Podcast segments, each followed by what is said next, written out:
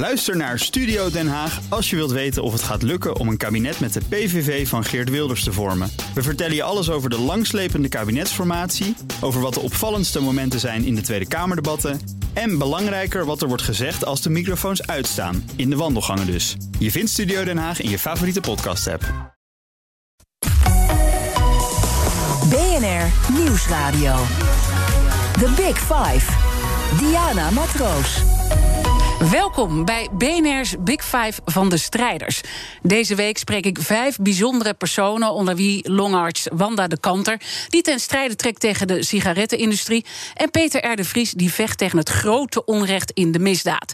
Eén ding hebben mijn gasten deze week gemeen: allemaal gaan ze door het vuur om te strijden voor dat hogere doel. Wat drijft ze? Wat kost het ze persoonlijk? En hoe ver moet je anno 2021 gaan om überhaupt dat belangrijke doel te realiseren? Deze week trap ik af met de man waar bestuurders van grote bedrijven voor vrezen. Zeker nu het hem lukte om topman Ralf Hamers persoonlijk te laten vervolgen in de grote ING witwasfraudezaak. Met zijn stichting Onderzoek Bedrijfsinformatie, oftewel SOBI, onderzoekt hij al bijna zijn hele werkende leven financiële misstanden en dat met grote impact. Pieter Lakenman, van harte welkom. Ja, dank u. Wat denkt u dat ze intussen een beetje over u denken in de financiële sector? Nou, ze eh, denken wel wat serieuzer dan uh, twee maanden geleden. De, de, ik werd altijd toch wel in zekere zin serieus genomen, geloof ik. Maar uh, niemand had verwacht dat ik Hamers tot stafvervolgde zou kunnen promoveren. Uh, in Nederland niet en Zwitserland al helemaal niet. En uh, ik denk dat men dat toch wel uh, als een soort waarschuwing ziet. Het is ook bedoeld. Hè? Het gaat me niet. eh, Ik ken Hamers helemaal niet. En of het een aardige of een onaardige man is, dat maakt me ook helemaal niks uit. Volgens mijn vrouw heeft hij wel een aardige kop. Maar goed, dat kan ik ook niet zo beoordelen. Zo wordt het dus aan de keukentafel besproken. Toch nog even. Ja, ja, ja, ja. Maar uh, het is natuurlijk als een voorbeeld bedoeld. En ook niet alleen als voorbeeld, maar ook als een trend. Want dat heb ik dus vroeger ook gedaan. Jaarrekeningprocedures voor een speciale uh, hof in Amsterdam. Dat ging me dan niet om dat ene jaarrekeningetje van, van dat beursfondsje... wat dan een fout iets had gemaakt. Nee, het gaat mij erom dat er dan invloed van uitgaat... en dat het dus in de hele markt of in dat marktsegment tot een verbetering leidt. En, En daar hoopt u ook op dat dat nu echt gaat gebeuren. U denkt dat men u serieuzer neemt en dat dat gaat gebeuren? Ja, nou niet alleen uh, dat ik serieuzer word genomen, want het gaat natuurlijk niet alleen om mij. Het gaat erom dat het Hof, dat is dus na de Hoge Raad eigenlijk, voor onder de Hoge Raad, is dat het hoogste Nederlandse rechter. En die heeft dus bepaald dat Hamers dus strafrechtelijk vervolgd moet worden. En dat is, ik heb, ik heb het al gemerkt, ook wel hoor, in, in alle reacties. Dat is echt duidelijk een, een, een nieuwe uh, trend. Wordt dat, is dat eigenlijk al ingezet. En die trend die is dus eigenlijk gebaseerd op het volgende idee: dat wanneer een vennootschap beboet wordt voor dit soort criminele zaken, want dat is gewoon keihard. Het zijn criminele zaken geweest die daar dus witwassen van, van geld. Nou, dat moet nog blijken, hè? De nee, uitspraak nee, moet nog nee, komen. nee, nee, nee, nee, nee, nee, nee. Als het gaat om zijn rol, hè? Oh ja, ja. Nou, Ja. zijn rol is. Ja, nee, ja, ja oké. nee, nee, maar goed. Ja, nee, dat is waar. Ja. Ja. Het is dus zo dat wanneer een vennootschap dus absoluut 100% zeker betrapt is op dit soort criminele zaken. Dan was het tot nu toe eigenlijk, er gingen de poppetjes die het deden, die gingen vrij uit.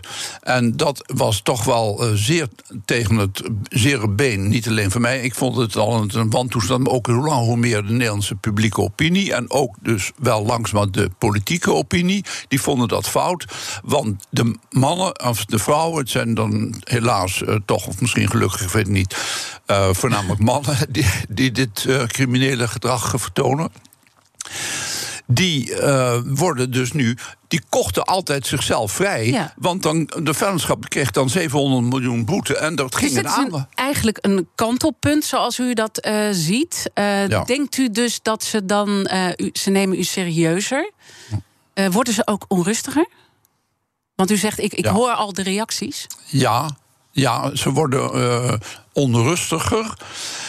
En dat zie je ook aan het volgende in de media, daar waren al de laatste de dagen uh, vooraf, volgend op, op dat 9 december uh, uitspraak, zag je al van ja, kan je nou nog wel als directeur. leiding geven aan, aan een fanschap, loop je dan in, niet enorme risico's. En dat is dus eigenlijk een, een, een uiting van ja, ik zou haast zeggen van gebrek aan zelfvertrouwen. Of dus een bedoeld om het publiek te beïnvloeden van jongens, we moeten ophouden met dat uh, straffen van, van, uh, van de poppetjes aan de top.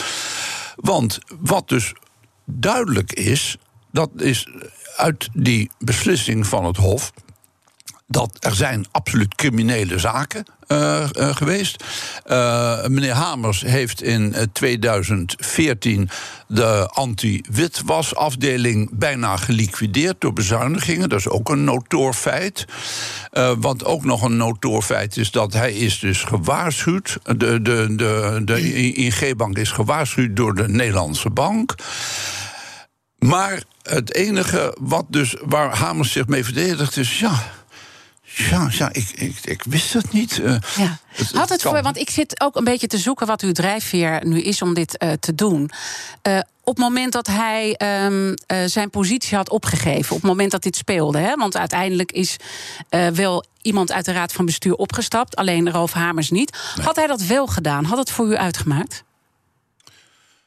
Uh, hmm, nou, dat weet ik niet. Ik, ik probeer regelmatig toch wel mijn hersenpan bezig te houden met gedachten, maar ik vermijd in het algemeen mijn uh, aandacht te geven aan problemen die zich niet uh, voordoen.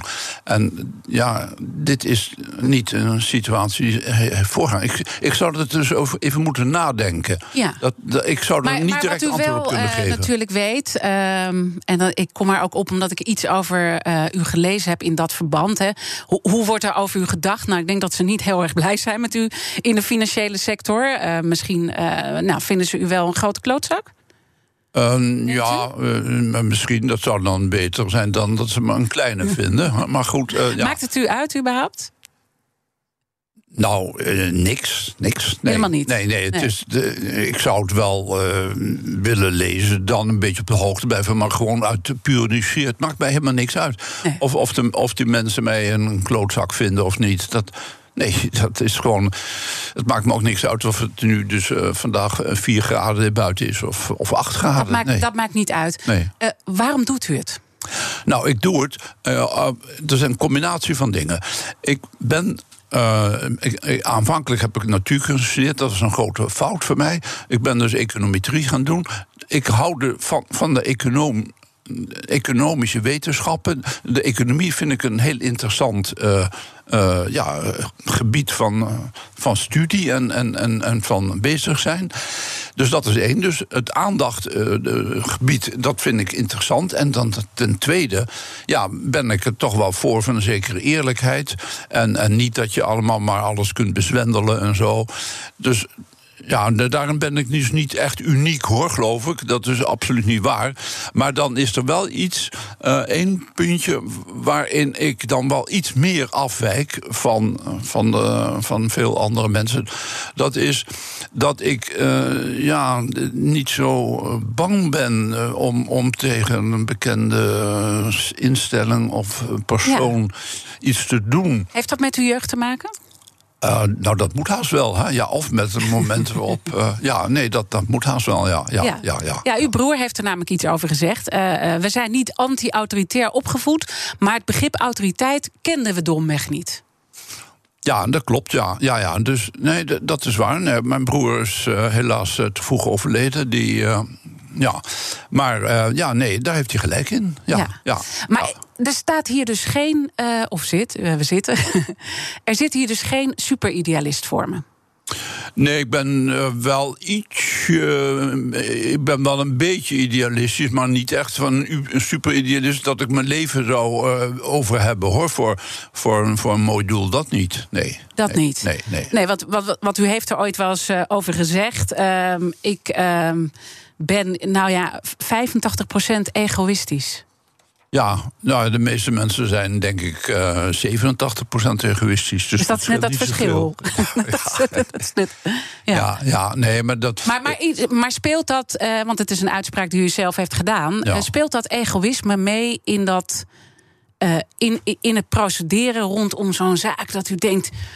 Ik wil winnen. Het gaat mij om het winnen. Ja, maar dat is niet alleen egoïsme. Dat, ik, dat, ja, ik wil winnen natuurlijk, maar dat willen de meeste mensen wel, denk ik. En zeker als je een procedure start. Ik heb vroeger ook aan sport gedaan, uh, roeien en hardlopen.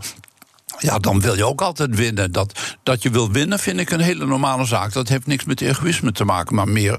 Ja, nou ja, ja, wat, ja met ja, ja. Ik vind, ik, nou, het heeft nergens mee te maken. Ik denk dat iedereen dat wel van nature zou willen. Van huis uit. Ja, dus en, en, en als u dan, dan in die uh, internationale zakenkrant heeft u nu gehaald, hè, met Roof Hamers, staat u op al die voorpagina's. Wat doet dat met u? Nou, deed niet zo heel veel. Ik vond, ik vond nou ja, jawel, ik was erg, erg blij. Ik vond het een fantastisch succes. Ik had dus van deze zaak al een groot succes verwacht. Ik, uh, ik had al uh, een paar weken voordat het Hof met zijn uitspraak kwam, had ik het persbericht al klaar en ook in het Duits. Ja. Uh, dus ik, het, ik had het wel verwacht.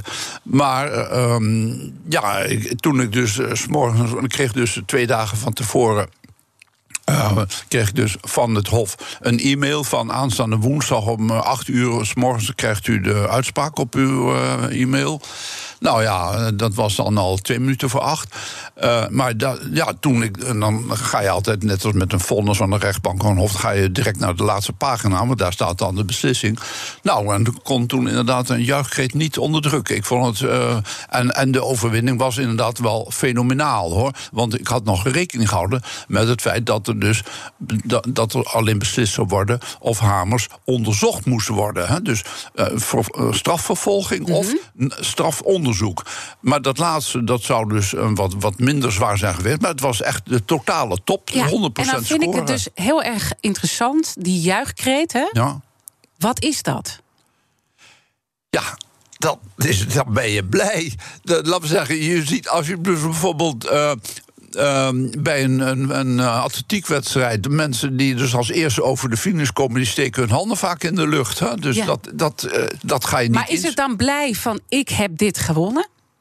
In ieder geval deze nou, eerste belangrijke stap? Uh, nou, dit was meer een. Uh, ja, je kunt twee dingen. Dus ik heb dit gewonnen. Of dus het is een mooi uh, voor de hele maatschappij. Hè? Ja, nou, dat speelt door elkaar, denk ik. maar ik, ik had toch wel heel duidelijk het gevoel. Ja, jongens, nu is er een nieuwe trend gezet. The Big Five.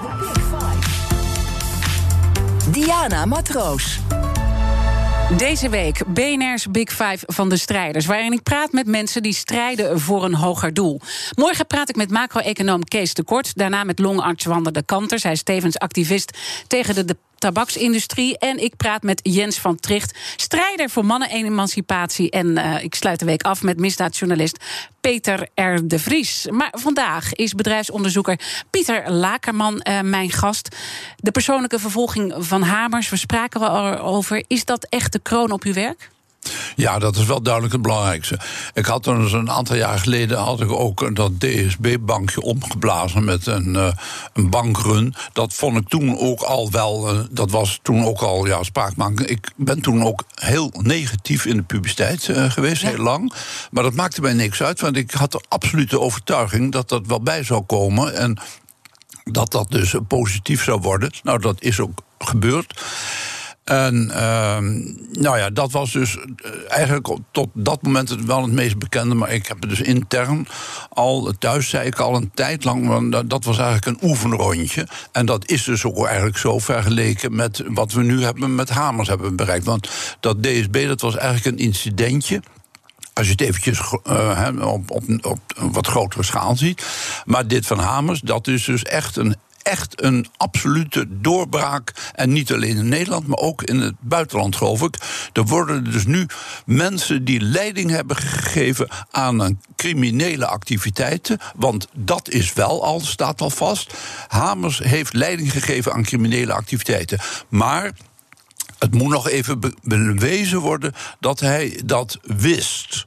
Ja. ja, dat klinkt een beetje vreemd. Hij wist het natuurlijk Nou, en wel. wat hij er wel of niet mee gedaan heeft, hè? Eh, ja, hij heeft er niks aan gedaan. Hij heeft er niks. Hij, heeft, hij heeft er niks. eh, nee, dat staat ook vast. Hij heeft geen maatregelen genomen om, om die criminele activiteiten te verminderen. Dat staat vast. Het enige, zijn enige eh, verdediging was. Ik wist het niet. nou, en daarvan zegt het Hof dat dat, eh, eh, nou ja, dat is ongeloofwaardig. De ontkenningen en ook zijn gebrek aan geheugen is ongeloofwaardig. Er is bijvoorbeeld tegen hem. eh, hij heeft kreeg, kreeg een mail van een mededirecteur. van het hoofd van een afdeling anti-witwas. Die zei tegen alle leden van de raad van bestuur. mannen, hè, Ja. vrouwen, weet ik veel. let erop, dit moet. Dat in 2014, dit moet Ja. afgelopen zijn Ja. met dit criminele gedoe. Want jullie lopen zelfs ook individueel persoonlijk Ja. Nou risico. goed, kijk, uiteindelijk moet de zaak het natuurlijk uitwijzen. Hè, want hij, eh, het lijkt nu bijna of hij al veroordeeld is. En dat is hij natuurlijk nog niet. Eh, hè, want de advocaat zegt daar iets anders over. En die zegt die, dat is weer niet in de stukken meegenomen. Hij heeft wel degelijk iets met die eh, mail gedaan. Dus nou ja, het, uiteindelijk mo- moet het. Nou moet ja, het recht goed. nog zegevieren. Hè? Zo, Nou, ik vind Want dat hoe het schat u al, het eh, in? Hoe schat u het in? Ja, nou, ik vind dat het recht al behoorlijk gezegevierd heeft. Eh, er moet nog misschien het laatste etappetje worden ge- gedaan. Ik denk dus dat hij wel veroordeeld wordt. Ik denk niet overigens tot gevangenisstraf, hoor. Dat geloof ik niet, want dat zie je dus altijd. Het is een, een nieuwe trend en je ziet dus ook wel in andere gevallen... als er iets nieuws strafrechtelijk wordt, eh, als, als straf wordt bepaald... dan is de eerste veroordeling zijn altijd wat matig. Dus ik, eh, ik twijfel dus... ik denk dus een voorwaardelijk gevangenisstraf van een week of zoiets. Hij zal niet tot papierprik in het Vondelpark worden veroordeeld. Maar eh, een boete, dat zal er toch wel minstens uit voortkomen. Ja, en als u dan eigenlijk zegt van, ehm, ik vind, dit is dus een, een, kentering, hè, dat, dat degene die eindverantwoordelijk is ook persoonlijk vervolgd eh, kan worden. En dat is wat Ja. u bereikt heeft, Ja. dat dat in ieder geval gebeurt. De uitspraak moet, moet dan nog blijken. Ja. Vindt u dan ook, om het ook even in de actualiteit van, van, eh, van nu te trekken, dat eh, premier Rutte ook ehm, ja, niet zo kan wegkomen met zijn eh, eindverantwoordelijkheid van de toeslagenaffaire? Nou, dat is eigenlijk eh, dezelfde discussie. Ja, nou ja, en eh, niet alleen dezelfde discussie. Maar ik, ik- toen ik dus Rutte een paar dagen geleden op de televisie eh, zag opereren en zag argumenteren. Toen dacht ik, dit is gewoon een, een kloon van meneer Hamers. Het, het, hij had namelijk precies dezelfde verdediging. Van ja, ik ben dan wel eindverantwoordelijk, maar ik wist het allemaal niet zo. En eh, het kwam niet tot mij. En, en dus precies die smoesjes van Hamers. Maar één ding wordt heel vaak vergeten. Hè? Rutte is niet alleen premier, hij is ook minister van Algemene Zaken. En eh, al deze dingen die, die vielen, on- on- al- alles valt onder hem in wezen. Maar die Rutte die zat ook een potje te liegen van heb ik jou daar hoor. Dus ja, maar Wat- die wat- komt er wat- wel mee weg, denk ik. Ja, en wat vindt u dan dat er met hem had moeten gebeuren? Nou ja, eh, hij had. Ja, ja, ja. De Tweede Kamer die had natuurlijk de, een regering kunnen wegsturen. Maar dat is niet gebeurd. De regering is formeel, formeel weggestuurd. Ja. Maar er is eigenlijk niks met hem gebeurd.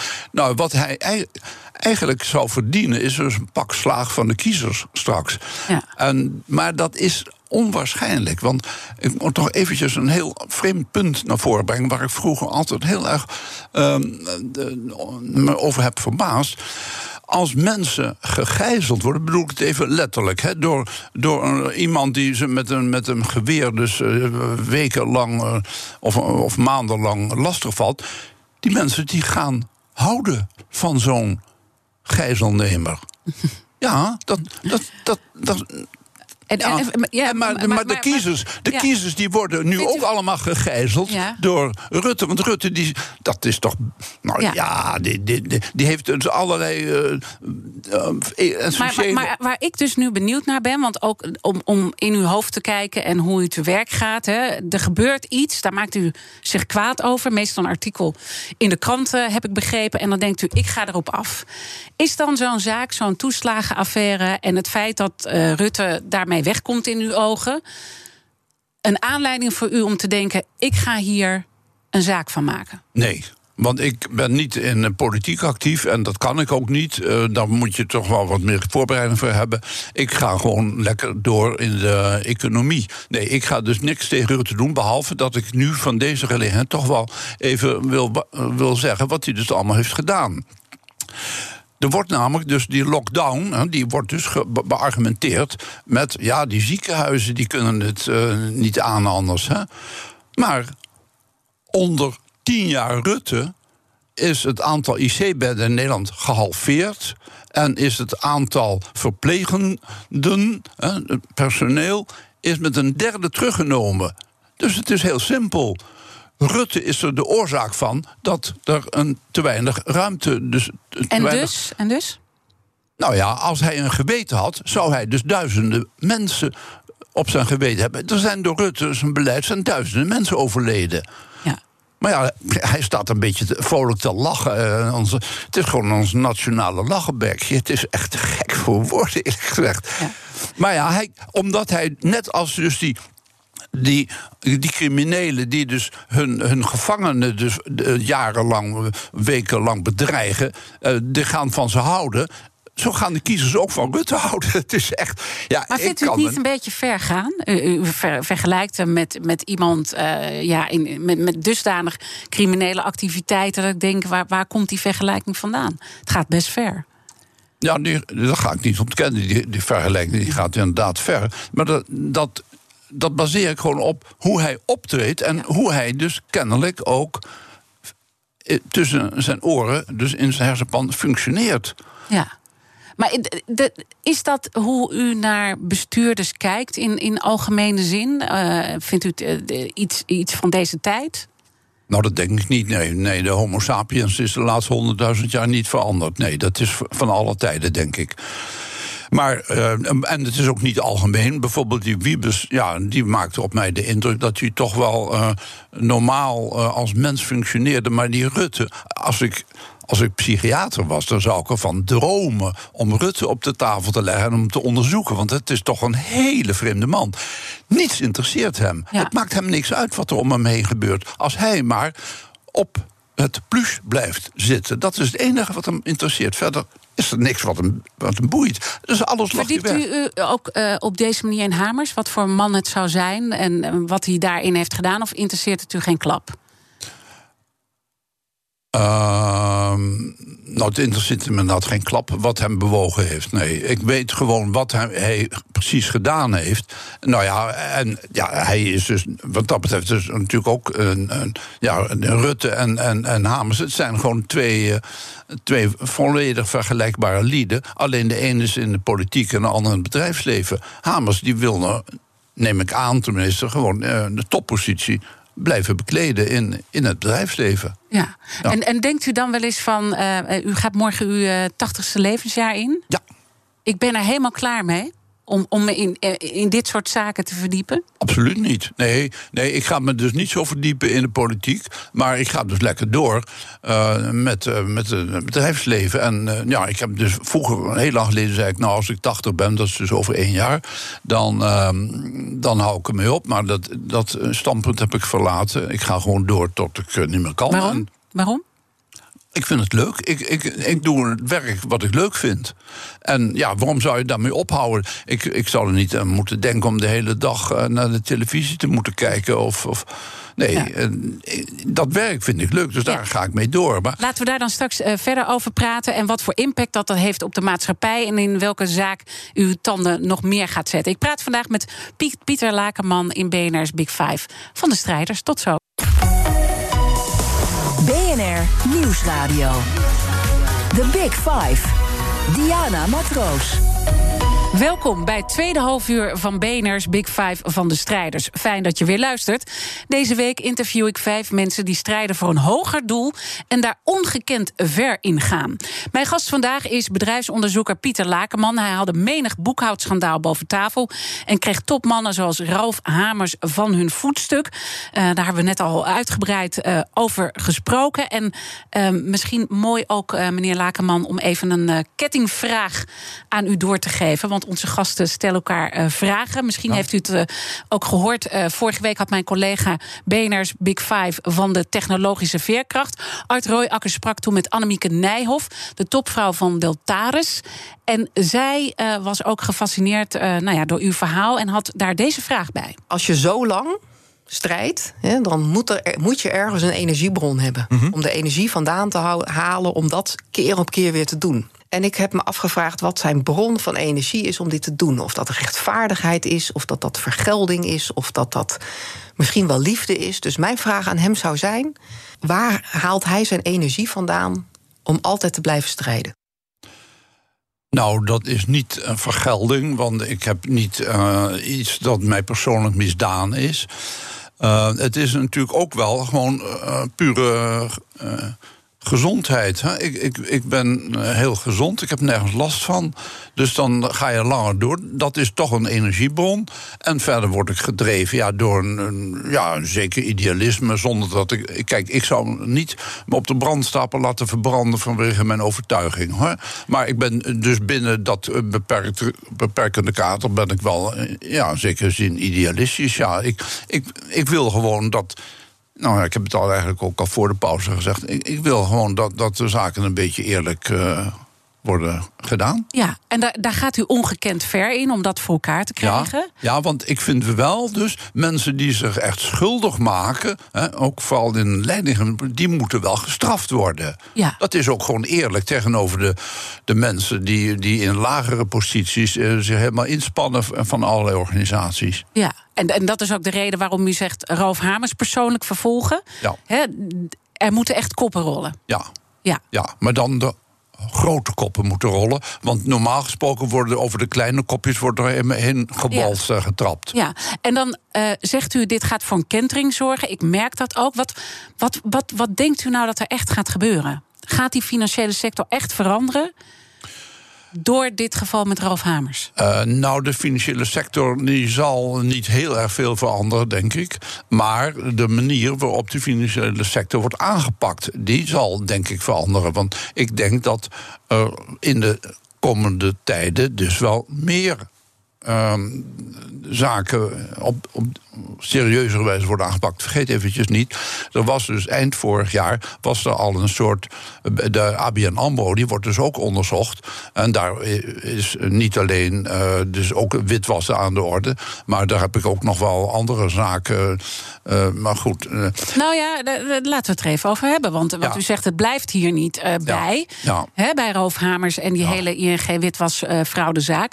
wat, wat gaat wat, hoe ver gaat u bij ABN AMRO de boel opschudden?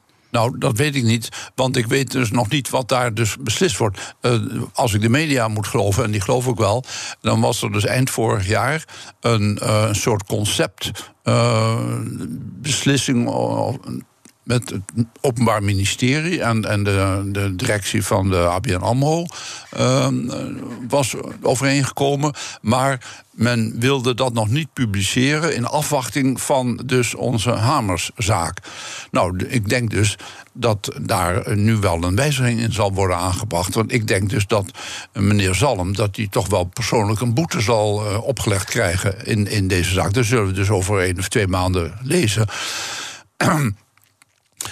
En dat is een, natuurlijk al direct een, een, een, duidelijk eh, gevolg hiervan. Maar eh, ik ben. Eh, op het ogenblik heb ik mijn belangrijkste tijd, dus al een paar jaar besteed ik aan het procederen tegen de ABN AMRO... in verband met zaken die waarschijnlijk ook crimineel zijn. Namelijk, ze hebben dus renteswapcontracten afgesloten met het MKB-bedrijf. Daar hebben ze een paar miljard euro aan verdiend. En ik ben op het ogenblik aan het nagaan of daar het zogenaamde samenweefsel van verdichtselen ook in de zin van het wetboek van strafrecht is overtreden. Want ze hebben dus de klanten met allerlei smoesjes hebben ze ertoe uh, verdedigd. Dus dat is ook nog een apart. Uh, strafrechtelijk onderzoek wat mij betreft in de pre-fase zit. En is dan uh, Zalm in, in dat opzicht die u wil laten vallen met, met terugwerkende kracht? Of, of gaat u op meer kopstukken af? Nou, nee, eh, ik, eh, dat gaat, ik, heb, ik mik niet op een bepaald kopstuk hoor in de, in de ABN Nou, dat, eh, niet bij ABN, maar eerder zei u van het gaat mij wel echt om die grote namen. Ja, ja, ja, maar ja, ja, sorry. Dat is een misverstand. Niet op één bepaald kopstuk. Kijk, bij de ABN AMRO heb je dus Zalm. Die is dus eh, volgens wat ik dan heb gelezen... nogal actief geweest. Of althans niet bestreden van de, de witwassen. maar de... De, dat, president eh, van eh, de voorzitter van de Raad van Commissarissen, eh, dat is Tom de Zwaan, die heeft dus in 2001 een, een gruwelijk document ontworpen. waar dus alle MKB-ondernemers dus, nu, door in de problemen zijn gekomen. Ja, neemt u even een slokje water. Dus dit is eigenlijk een zaak die moet zich eh, nu verder gaan ontvouwen. En dan ben ik dus toch benieuwd, hoe gaat u daar nou in, in te werk? U, u, eh, of u bent daar deels al eh, mee bezig, hè, maar u wordt boos over iets? Begint het daar? Ja, nou ja, ik, ik word wel een beetje boos. Ja, niet Ja. dat ik helemaal ga spugen van woede, maar ik word wel een beetje bozig. Ja, dat is wel zo, ja. Ja. ja, ja. En dan? Nou ja, dan eh, zie ik of ik er wat aan kan doen. En met eh, de, de swap-zwendel, zal ik maar zeggen, daar kan ik er wat eh, aan doen. Ja. En ik weet dus niet wat er straks wordt gedaan. Ik verwacht dus echt duidelijk dat met, dus, eh, met Salm, dat die dus. eh, ja, wat dat betreft een beetje pech heeft gehad, dus tegen, die zal dan toch ook wel eh, moeten boeten, ook volgens het Openbaar Ministerie. Dat verwacht ik wel. Dus dan hoef ik niks meer te doen. Ja. U verwacht gewoon dat het een eh, automatisch gevolg daarvan wordt? Ja, ja nou, het wordt ook, maar nou, dat wordt wel een gevolg, ja, denk ik. Ja. Ja. u moet er een beetje bij eh, gniffelen. Wat is dat, dat gniffelen? Nou ja, kijk eens, ik, dat, gniffelen, dat is eh, gewoon ja, vrolijk lachen, denk ik. Dat- Er ik- zit niks achter. Nee, nou ja, ik vermaak me wel. Kijk, ik heb wel een beetje een merkwaardig. Ik geniet soms van ide allerlei idiotie. Dat vind ik dan gewoon leuk. Dan- Als ik allerlei waanzin om me heen zie, dan, dan geniet ik daarvan. Ja. Ja, heel merkwaardig hoor. Ja. Even toe. Maar... Nou ja, ik, ik zit gewoon even dan te bedenken. ehm, het is moeilijk om in, iemand- in, in iemand anders hoofd te kruipen. Maar ik zit dan even aan Ralf Hamers te denken. Het is natuurlijk gewoon persoonlijk drama voor deze man. En u zit dan een beetje te gniffelen. U geniet er wel van, van al die eh, idiotie om u heen. ja. Gaat, dat, gaat dat niet ook soms te ver? Nee, helemaal niet. Nee? Nee, kijk, dat de Hamers, dus, eh, ja, dat die dus nu eh, in de emotionele penarie zit, ja, dat, dat is toch eigenlijk helemaal aan hemzelf te danken. En overigens, één ding moet niet vergeten worden. Hè? Het is wel gebruik in dit soort, eh, in deze toppen van een groot bedrijven, dat je wordt aangenomen voor een aantal jaren. Maar als je dus voortijdig vertrekt, dat je dan wel al je jaren betaald krijgt. Ik verwacht dus dat als Hamers ontslagen wordt, dus in de loop van dit jaar, dat je dan ongeveer 35 miljoen meekrijgt. Want dat is dan ongeveer zo'n vijf jaar van zijn salaris. En die krijg je dan gewoon mee. Ja, dus Nou ja, dus eh, ja, er zijn wel. eh, Ik denk wel dat eh, erg veel Nederlanders daar eh, wel tegen opkijken tegen zo'n bedrag. Want Ja. vergeet eventjes niet. Dus, dus u zegt, laat hem vooral niet te zielig vinden. Komt wel Nee. goed met Hamers.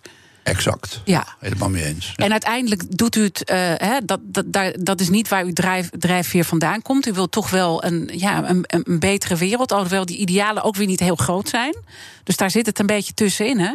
Nou, iedereen zit tussen de duivel en God, kun je, kun je zeggen. Maar nou ja, ik, ik wil een betere wereld. Maar eh, nogmaals, ik heb gezegd, en, maar ik hoef het niet voortdurend te herhalen. Ik, zou, ik ben niet zo'n idealist dat ik mezelf levend zou laten verbranden op een Nee. brandstapel voor mijn idealen. En Dat- tegelijkertijd zegt u ook, ik denk dat er niet heel veel gaat veranderen als het gaat eh, eh, om de bankensector. Ja, wel dat ze vaker gestraft worden, maar heeft het dan wel zin wat u aan het doen bent als er eigenlijk niks verandert? Want ik denk dan, als, als dat hogere ideaal zou je willen, dat dat, dat gedrag bij bankiers verandert. Nou ja, het zal er wel iets veranderen natuurlijk. Mhm. Maar het is niet zo dat, dat je nu moet aannemen dat in het bankwezen dus eh, alles eh, correct zal verlopen. Dat, dat vind ik een hele zwaar, eh, te optimistische insteek. Maar als daar dus wat gestraft wordt, dat zal ongetwijfeld toch wel tot enig verbetering leiden. Maar het is net zoals in de tijd, toen was ik nogal actief met de jaarrekenprocedures. En dat was dus om de accountants een steun te geven tegen directies die dus foute jaarverslagen wilden opzetten. Dat heeft dus ook geholpen. En ik heb ook het gevoel dat er een aantal jaren toen de accountancy wat beter is geweest. Maar dat is nu toch eigenlijk over. Althans, de, ik zie nu overigens. Ik, twee soorten accountants hè, zijn er in Nederland. Je hebt de Big Four en je hebt de rest. En de Big Four, daar, die zijn, ah, nou ja, je kunt het geen enkele grote beursfraude kun je tegenkomen. Of de Big Four hebben daar wel zwijgend uh, toegekeken. Dus men op zichzelf, uh, ja, goede activiteiten van uh, in de tijd, die zijn een beetje uitgewerkt. Ja. Maar ik ben ook geen man voor de eeuwigheid. Dat is. Nee, nou, u gaat, voorlopig, u gaat voorlopig nog even door. Ja, ja, ja. Morgen 79 en u gaat gewoon nog door. En wij gaan ook zo meteen. Uh... BNR Nieuwsradio. The Big Five. Diana Matroos. Je luistert naar BNR's Big Five van de strijders. Mijn gast vandaag is bedrijfsonderzoeker Pieter Lakerman. En het gaat eigenlijk over eerlijk doen en uh, eerlijk naar elkaar. En de speelregels daar goed uh, handhaven. En dat, dat is waar u op inzet. Bent u zelf wel eens uh, onrechtvaardig of oneerlijk behandeld? Ja, maar ik weet niet meer precies bij welke gelegenheid. Maar ik heb me wel eens een keertje tekort gedaan gevoeld. Maar ja, dat zal iedereen wel overkomen. Maar ik, ik zou niet meer weten bij welke gelegenheid dat. Nee, maar het heeft dus niet heel veel indruk op u gemaakt. Nee. Nee. nee. nee. Wat maakt dan wel indruk op u? Uh, ja. ja, dat is. Ja, wat, wat mij wel langzamerhand toch wel ergert. En wat toch wel een indruk maakt, dat is dat, maar dat is een beetje half economisch, half uh, sociologisch. Dat je ziet dus de laatste jaren in de hele wereld, maar ook in Nederland, een, uh, een enorme verdieping van de inkomensverschillen. Mm -hmm. Dus de onderste 30% die gaat voortdurend uh, achteruit in inkomen. En, en de bovenste 10% gaat voortdurend vooruit. En ik vind dus dat, ja, dat nou ja, eh, komen we dan weer op meneer Rutte terug. Die, uh, die werkt daar mee eigenlijk. Hè. Dus uh, dat vind ik toch wel heel ergelijk eigenlijk. En ja, dat, ja, dat be beklijft mij toch wel, ja. Ja, maar dat is niet iets waarvan u zegt, daar, daar, daar zet ik mijn tanden in. Hè? Want dat moet echt iets met de financiële sector te maken. Dat, dat, dat is uw uh, drijfveer om dat aan te pakken. Ja, nou niet alleen de financiële sector, maar het bedrijfsleven. En inderdaad, in politiek, daar, daar, uh, ja. daar ben ik eigenlijk uh, nee, niet nee. zo in. En als u nou eens de balans opmaakt, um, wat heeft u dan bereikt? Ja, nou ja... De, de, ik heb dus onlangs wel iets leuks bereikt. Namelijk dat dus de, uh, de, de poppetjes aan het hoofd van, crimin, van organisaties die criminele activiteiten doen, dat die dus niet vrij uitgaan. Dat die ook zelf vervolgd worden. Dat vind ik toch wel. Dit is echt gewoon, kom ik eerlijk voor is verreweg het belangrijkste wat ik in mijn leven heb bereikt. Ja. En, ja. En, en is het dan klaar? Uh, nee, want ik verwacht dat Hamers toch wel binnen twee jaar gestraft zal worden. En dan wil ik zelf nog wel doorleven. Dus ik wil niet zeggen dat het dan het klaar is voor mij. Nee. Nee. nee. nee maar ja, ik, ik heb wel politieke interesse hoor. En ik ben in het verleden ook wel eens gevraagd hier of daar. Maar ik, het is er niet van gekomen. Je kunt, ja, bedrijfsleven en politiek. Ja, nee. mijn, mijn, mijn, interesse ging toch wel meer naar de bedrijfsleven. Maar als, toch eventjes nog de politiek. Ik las onlangs dat er in Nederland een tekort is van 325.000 huizen. Woningen. Dat is een achter. Nu is het zo dat uh, dus tien jaar, tot tien jaar geleden uh, werden er per jaar 80.000 huis, nieuwe huizen in Nederland gebouwd. En vanaf tien jaar geleden elk jaar 60.000. Mm -hmm. Dus er zijn dus de laatste tien jaar, en zullen we maar in het midden laten wie er toen de baas was in Nederland, de, zijn de laatste de tien jaar. gaan weer naar Rutte, hè? Ja, ik hoor ja, het, nee, ik hoor ja, het een nee, beetje nee, nee, ja, nee, maar Rutte was het niet alleen, maar goed onder. onder mm zijn uh, goedkeurend oog, of onder zijn uh, toegeslagen oog, zijn er dus 200.000 huizen minder gebouwd dan daarvoor. Ja, en dan komt er ook nog bij, er zijn dus 500.000 immigranten gekomen. Dat, dat, dat, zijn dan ongeveer 100.000 vluchtelingen en 400.000 uh, immigranten uit de Europese Unie en zo. Moeten ook wonen. Ja, dus En wat is daar het gevolg van? De huizenprijzen die stijgen natuurlijk. Dan kom je dus toch ja, weer een beetje markt. Als het tekort is, dan stijgen de prijzen. Ja. En wie zijn daar het slachtoffer van? Nou, die onderste 30% van de bevolking. Ja, die kunnen die, eh, de tijd dat, dat die een huis kunnen kopen, dat is al heel lang. Dus dit is weer dat punt waarvan u zegt: ik wil dat toch even genoemd hebben. Dat u eh, zegt: die kloof, daar maak ik me ernstige zorgen Ja, over. ja, ja, ja, Maar ja. u gaat er zelf niks aan doen. Ja, maar dat klinkt een beetje. Ver... Nee, ik bedoel niet Verwijtend. maar, maar eh, u heeft een bepaalde drijfveer om, eh, om ja, toch eh, dat, dat ietsje meer idealisme dan, de- dan de gemiddelde eh, mens. En daarom noemt u dit zelf. U Ja. komt er een aantal keer op terug. Maar heeft niet zoiets, ik ga er iets mee doen. En dat bedoel ik dus niet verwijtend, maar. Ja, ja, ja, maar ik, ik kan daar niks mee doen, Nee. denk ik. Want laten we zeggen, ja, ik zit niet in de Tweede Kamer. Ik, ik ben geen minister. eh, Ik zit ook niet in de Eerste Kamer. Nee, dus ik kan, ik kan daar gewoon niks aan doen. Nee. Dus ja, ik kan, op zijn hoogste kan ik het. eh, Even genoemd beetje hebben. Noemen. Ja, dan wil ik toch nog iets anders noemen. En, namelijk, We de- er is ook de laatste tien jaar is er enorm bezuinigd op de rechterlijke macht. En daar heb ik zelf ook een beetje last van. Mijn klanten die moeten dus een jaar of extra, anderhalf jaar wachten bij de rechters, hè, bij, de, bij de rechtbanken en bij het Hof. Omdat er dus een gebrek aan capaciteit is. De, de rechterlijke macht is ook eh, op, sterk op bezuinigd de laatste tien jaar. Ja. Even, even los van dat er sterk op eh, bezuinigd is. eh, vindt u verder dat de rechterlijke macht wel goed functioneert? Ja, zeker. Ja. Ja. Ja, zeker hoor. Ja, ik maakte me een beetje zorgen de laatste dagen over dus die, die toeslagenaffaire. Daar werd dus ook van gezegd. Dus Overigens eh, ben ik het helemaal eens hoor met eh, Pieter Omtzigt en mevrouw Leijten. Maar dus, eh, ik, za- ik las, dus- of ik hoorde dus ook dat daar kritiek op de rechterlijke macht werd geuit. Maar dat is, blijkt dus, daar was ik aanvankelijk een beetje verbaasd over. Maar dat blijkt dus op de Raad van State te slaan. En dat be- beschouw ik niet als een rechterlijke organisatie. Maar de Raad van State is een adviescollege waarin dus. Ja, maar, wel- maar wel on- ongelooflijk belangrijk natuurlijk. Ik, ik wil nog eh, twee dingen met u eh, bespreken. Eén is de, de kettingvraag die u gaat stellen aan de gast van morgen. Want dat is namelijk macro-econoom eh, Kees de Kort. Eh, die natuurlijk altijd zijn hele eigenzinnige verhalen heeft. En dat altijd elke dag probeert tussen de oren te krijgen. Ehm, wa- wat zou u graag van hem willen weten?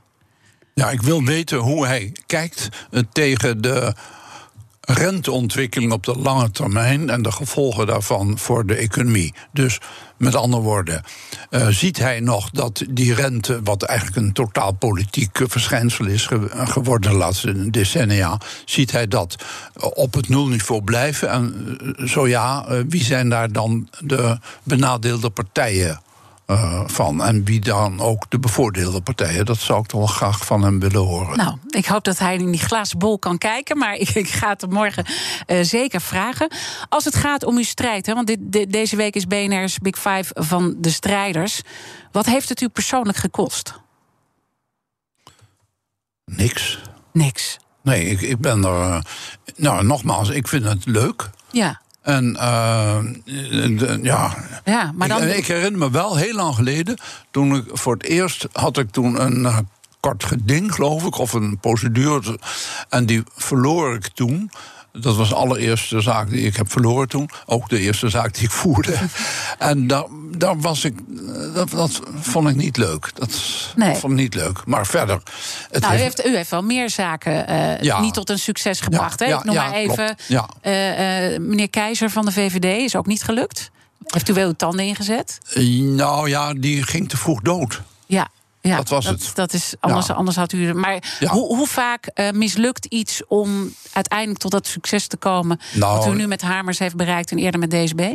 Nou, dat weet ik niet. Maar ik win wel meer dan 50% van de zaken. Dat wel. Maar ja, natuurlijk geen, eh, geen 95%. Ja. Dat niet. Nee. En u zegt het heeft me niks gekost, maar dan- ik moet dan toch denken aan die kogelbrief. eh, die Oh, u een tijdje geleden heeft gekregen. Nou, een paar Nou, weken. Nee, nee, nee, geleden. nee, eh, tien jaar geleden. Tien jaar bij geleden. DSB. Ja. Ja. Nou ja, ja, dat. Ja. Ja, dat heb ik dus toen. Dat was een hele bijzondere kogelbrief. Er zat namelijk twee kogels in. Een kleine dikke en een wat grotere smalle. Ik dacht, nou, wat betekent dat nog iets? Ik kende, die, ik kende dus niet die symboliek ervan. Maar dat, ik denk dat het gewoon eh, toeval was. Maar het punt is dat, eh, ja, ik voelde me niet bedreigd. Ja, ik, ik, ik ben niet Ja, ik weet niet hoe dat komt. Eh, Nee, wat, wat u moet er gewoon. Ik, ik, moet er ook eigenlijk bijna om lachen. Ja, Tenminste, nou ik ja. lach met u mee, omdat Ja. u zo lacht. Ja, nou, maar de, Maar- lachen, ik, Ja.